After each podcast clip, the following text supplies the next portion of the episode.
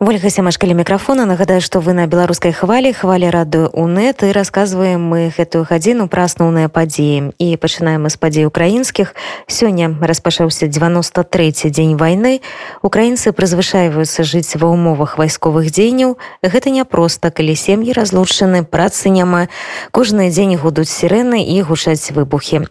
Але украіна жыве а яе жыхары ўсё часцей вяртаюцца ў свае дамы. Жыхары кіеўскай вобласці я Евген мішанка да вайны працаваў фатографам і відэографам зараз гэта прафесія ніяк не запатрабавана і як лічыць яўген патрэба ў ёй не хутка вернецца яго жонка з дзецьмі з'ехалі ў бяспечную краіну а сам яўген пільнуе хату і ратуецца ад смутку і нуды музыкай мене звати Євгеній Міщенко живу я в Україні останніх 12 років я фотограф і відеограф. Тобто знімаю фото, знімаю відео. У мене досить великий спектр послуг. Це і звичайне фото людей, і е, предметна зйомка, і весілля. Е, з недавнього часу почав вивчати потихеньку і дикторські послуги. Ну, в плані того, що мене часто люди запитують, просять зробити там, наприклад, професійну озвучку. Я насправді маю необхідне обладнання для озвучки, але досвіду великого не маю записувати. Ну тому так е, потрошку вивчаю вивчаю вивчаю цю тему. Люблю працювати більше з дітками. Ну це це найкраща моя ніша, оскільки діти вони вони не мають якби вимушених емоцій. Вони коли до них звертаєшся, він тобі говорить щиро від усього серця. Саме в ці моменти можна піймати дитину, сфотографувати чи зняти якусь іншу емоцію. Вони буває просто заходять до мене, так і в камеру заглядають, дурачаться там. Ну ну це це прикольно. З дітками найкраще мені подобається працювати з дітками і час від часу, коли от уже сильно так завантажений в мене мозок е, роботою, хочеться просто від цього всього відійти на деякий час і познімати, наприклад, е, предметну зйомку. Тобто я нікого не бачу. Я сам собі закрився в своїй студії, знімаю собі там, я не знаю, зубні щітки були там, якісь автомобільні аксесуари. Тобто, я це все потрошку знімаю собі, потім сідаю, монтую. Це це такий у мене релакс. Е, я не знаю, не можливо по іншому якось його назвати перезавантаження. Ну такого плану. В мене є дружина, двоє діток останнім часом я взагалі намагаюся якось не, не те, що намагаюся, а хотілося б свою роботу більше перетрансформувати так, щоб, щоб вона. Повністю залежала від поїздок, тобто, ну розумієте, є ще такі, як е, фотобанки, наприклад, е, де люди знімають е, свій матеріал і туди виставляють його на продаж. От, чесно кажучи, це це в мене велика мрія, щоб подорожувати повністю по світу, тобто один місяць в одній країні, інший місяць в іншій, а можливо, це не місяць, можливо, це тиждень буде. От постійно щось новеньке знімати і продавати на фотобанках. Ну поки що це тільки мрія. Це творчість моя по фото, відео. А є ще творчість у мене музична. Мабуть, з останніх класів в школі мені дуже подобалася музика. Я вивчав в той час гітару, ходив в школу на гітару, пробував е, грав, е, виступав на, на сценах. І чесно, дуже хотів дуже хотів піти в культурне і продовжити там навчання. Але ну так склалися обставини, що я не в культурне пішов, зовсім в іншому напрямку. Я навчався в інституті пожежної безпеки. Ну чесно, мені сподобалася військова форма. От військова форма сподобалася, і цим мене взяло. Але м, навчання було дуже складне. Це військова підготовка, це постійні фізичні навантаження. Там не стільки навчання, скільки більше фізичне навантаження було. Після інституту я чесно бачив для себе перспективних таких два місця, куди б я міг би піти працювати. Це архітектурне, більш таке, ну напрямок архітектурний, але це пожежна безпека. Мається на увазі нормативно-технічний відділ. От але в той відділ попасти нереально було. Тому так я. Три роки пропрацював е, на цьому в головному управлінні МНС України в Київській області. Я працював Після чого зрозумів, що ну чесно, ну нічого не подобалося. А от власне пропаганда відділ подобався, але ну знову ж таки пропаганда це по по моєму напрямку зараз, яким я займаюся. Це фото, відео, зйомки, власне, самих е, якісь е, надзвичайних ситуацій.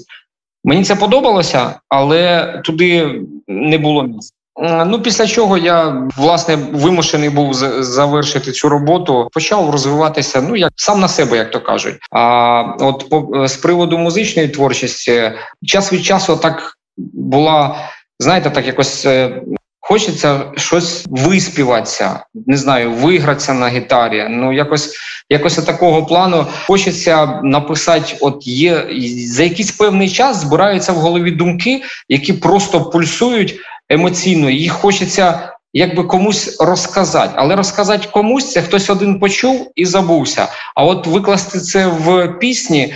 Це якось уже ну інший напрямок. Зовсім тоді тебе людина може послухати послухати, відчуть е, якийсь якийсь твій внутрішній світ або ще щось. Ну такого плану. Чесно кажучи, в мене за весь час, скільки я граю, в мене моїх пісень ну досить багато. Я вам скажу. У мене більшість пісень вони є всі українською мовою. У мене одна єдина пісня російською. Це коли я навчався в інституті, і власне тоді я записав одну російську пісню Траса Київ-Черкаси, бо я вчився в Черкасах, а сам із Києва. Тому така пісня була в мене ну досить прикольна. Траса Київ-Черкаси. Всі решта пісень у мене всі україномовні. На одну із них я навіть кліп знімав.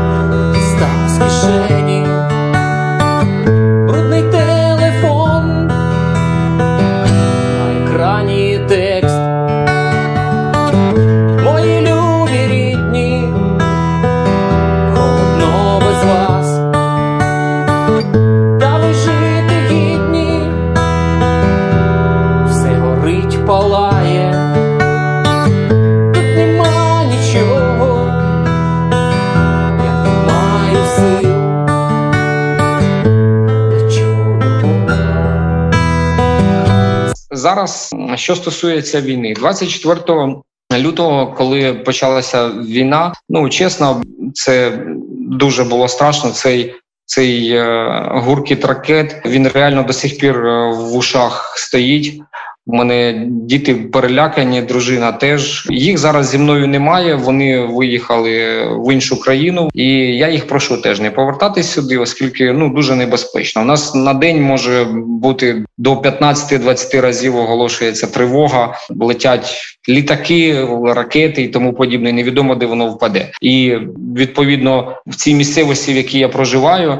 Буквально ну, коли дружина виїжджала з дітьми, тоді напередодні було впала ракета буквально менше, ніж кілометр від нас по, по вулиці. Упала ракета, і це було ключовим моментом, щоб е, дружина зібрала речі дітей і і виїхала. Бо ну дуже голосно було. Було настільки голосно, що я думав, і і скло посиплеться у, у вікнах. Ракети ракетами, але ж ще й і насувався фронт на нас. От і е, в основному. Е, до речі, з вашого боку, з Білорусі, ну ми ближче сюди ж до Білорусі. От і з е, вашого боку йшли військові. Наші військові їх зупинили буквально. Ну от я проживаю в населеному пункті. Через один населений пункт вони їх зупинили. Там дуже багато пошкоджено будівель, дуже багато убито людей знущалися як могли. Чесно, ну це це просто кошмар. У мене кум і товариш. Вони із цього ж села. От вони приїхали до мене і говорять мені. Збирай речі, і ми виїжджаємо звідси, бо вони завтра будуть тут. Я хоч і навчався в військовому інституті і маю якусь е, ну фізичну підготовку. Ну не то, що там маю фізичну підготовку. Це було давно.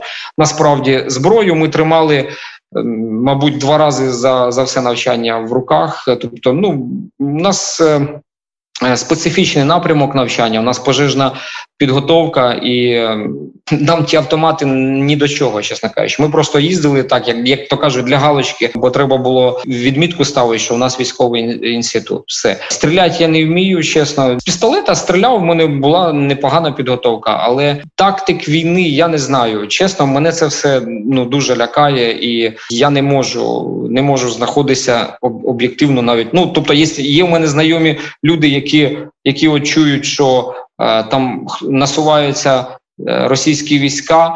Вони беруть, я не знаю, роблять коктейлі Молотова. Вони беруть зброю до рук. Вони кажуть, ми йдемо захищатися. Я я не можу, чесно. Я хочу навчатися знову ж таки повторюсь у військовому інституті. Для мене це це дуже складно. І оці всі, оці всі емоції, оце все, що я пережив за цей весь час. Ми з моїм кумом і з е, друзями від'їхали е, в сусідню область, там де трошки тихіше було. Від'їхали буквально на на два тижні ми від'їхали. і там, чесно кажучи, теж так само було не досить спокійно. Тобто ракети е, теж літали, тому не настільки воно і спокійно було. Вирішили повертатись. Ну кожен повертався додому, хто коли хотів. Я приїхав і зайнявся своїми домашніми справами. Да і все да гримить буває над головою. Щось десь бахне, щось десь десь упаде. От але в цілому я вже до цього звик. Майже кожен день десь іде розмінування, тобто російські. Війська в цих окупованих е, селах, яких були, вони позаміновували після себе ну і ліс, і якісь парки, і школи, і ну коротше, все. І і майже кожен день у нас іде розмінування і знищують оці всі оці, оцю всю ці всі міни, зброю і тому подібне. Але що стосується роботи, то її зараз немає. І чесно кажучи, я вже просто не неодноразово думав, можливо, мені назад вернутися ну туди в МНС працювати, але і дають там по по 10-15 літрів пального. Тому кожен день на машині, наприклад, їздити не можна. Це дуже дуже складно і дорого, і, і чесно кажучи, роботи як як такої її немає. Багато хто із людей, моїх знайомих, всі всі кажуть, того звільнили з роботи, того звільнили, бо немає чим платити. Той залишився без роботи. Ну чесно кажучи, складно зараз, і з кожним днем воно все все тяжче і тяжче. Тому якось коли я повернувся із сусідньої області, в мене велике бажання було всі ці емоції, які накипіли, нагоріло все в голові. Мені хотілося просто його викласти в музиці. І тоді я так приїхав, взяв гітару, і буквально там за одну-дві години я записав пісню. Вона так і зветься Війна. Коли життя,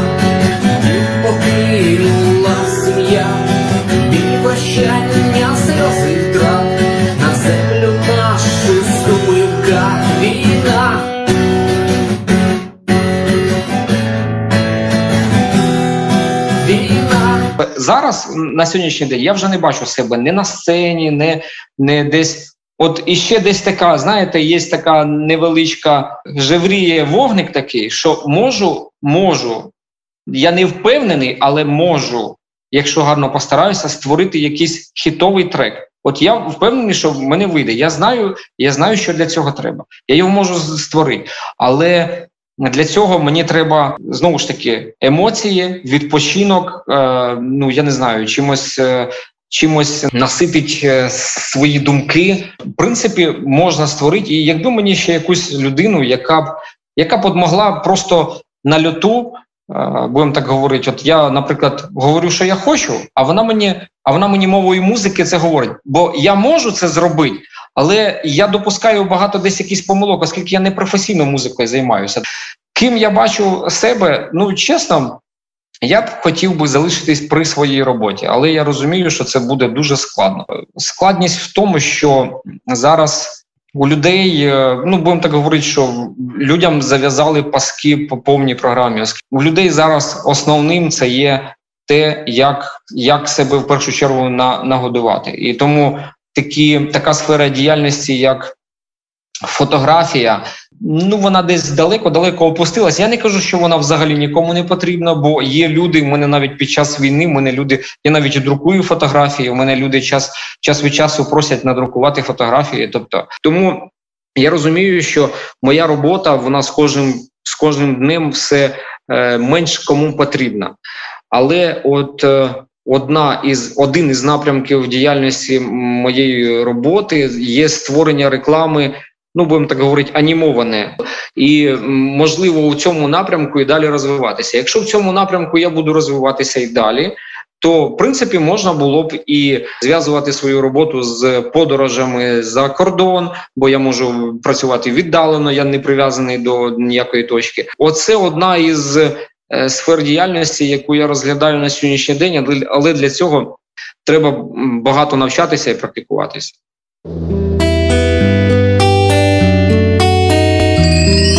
Кожного із нас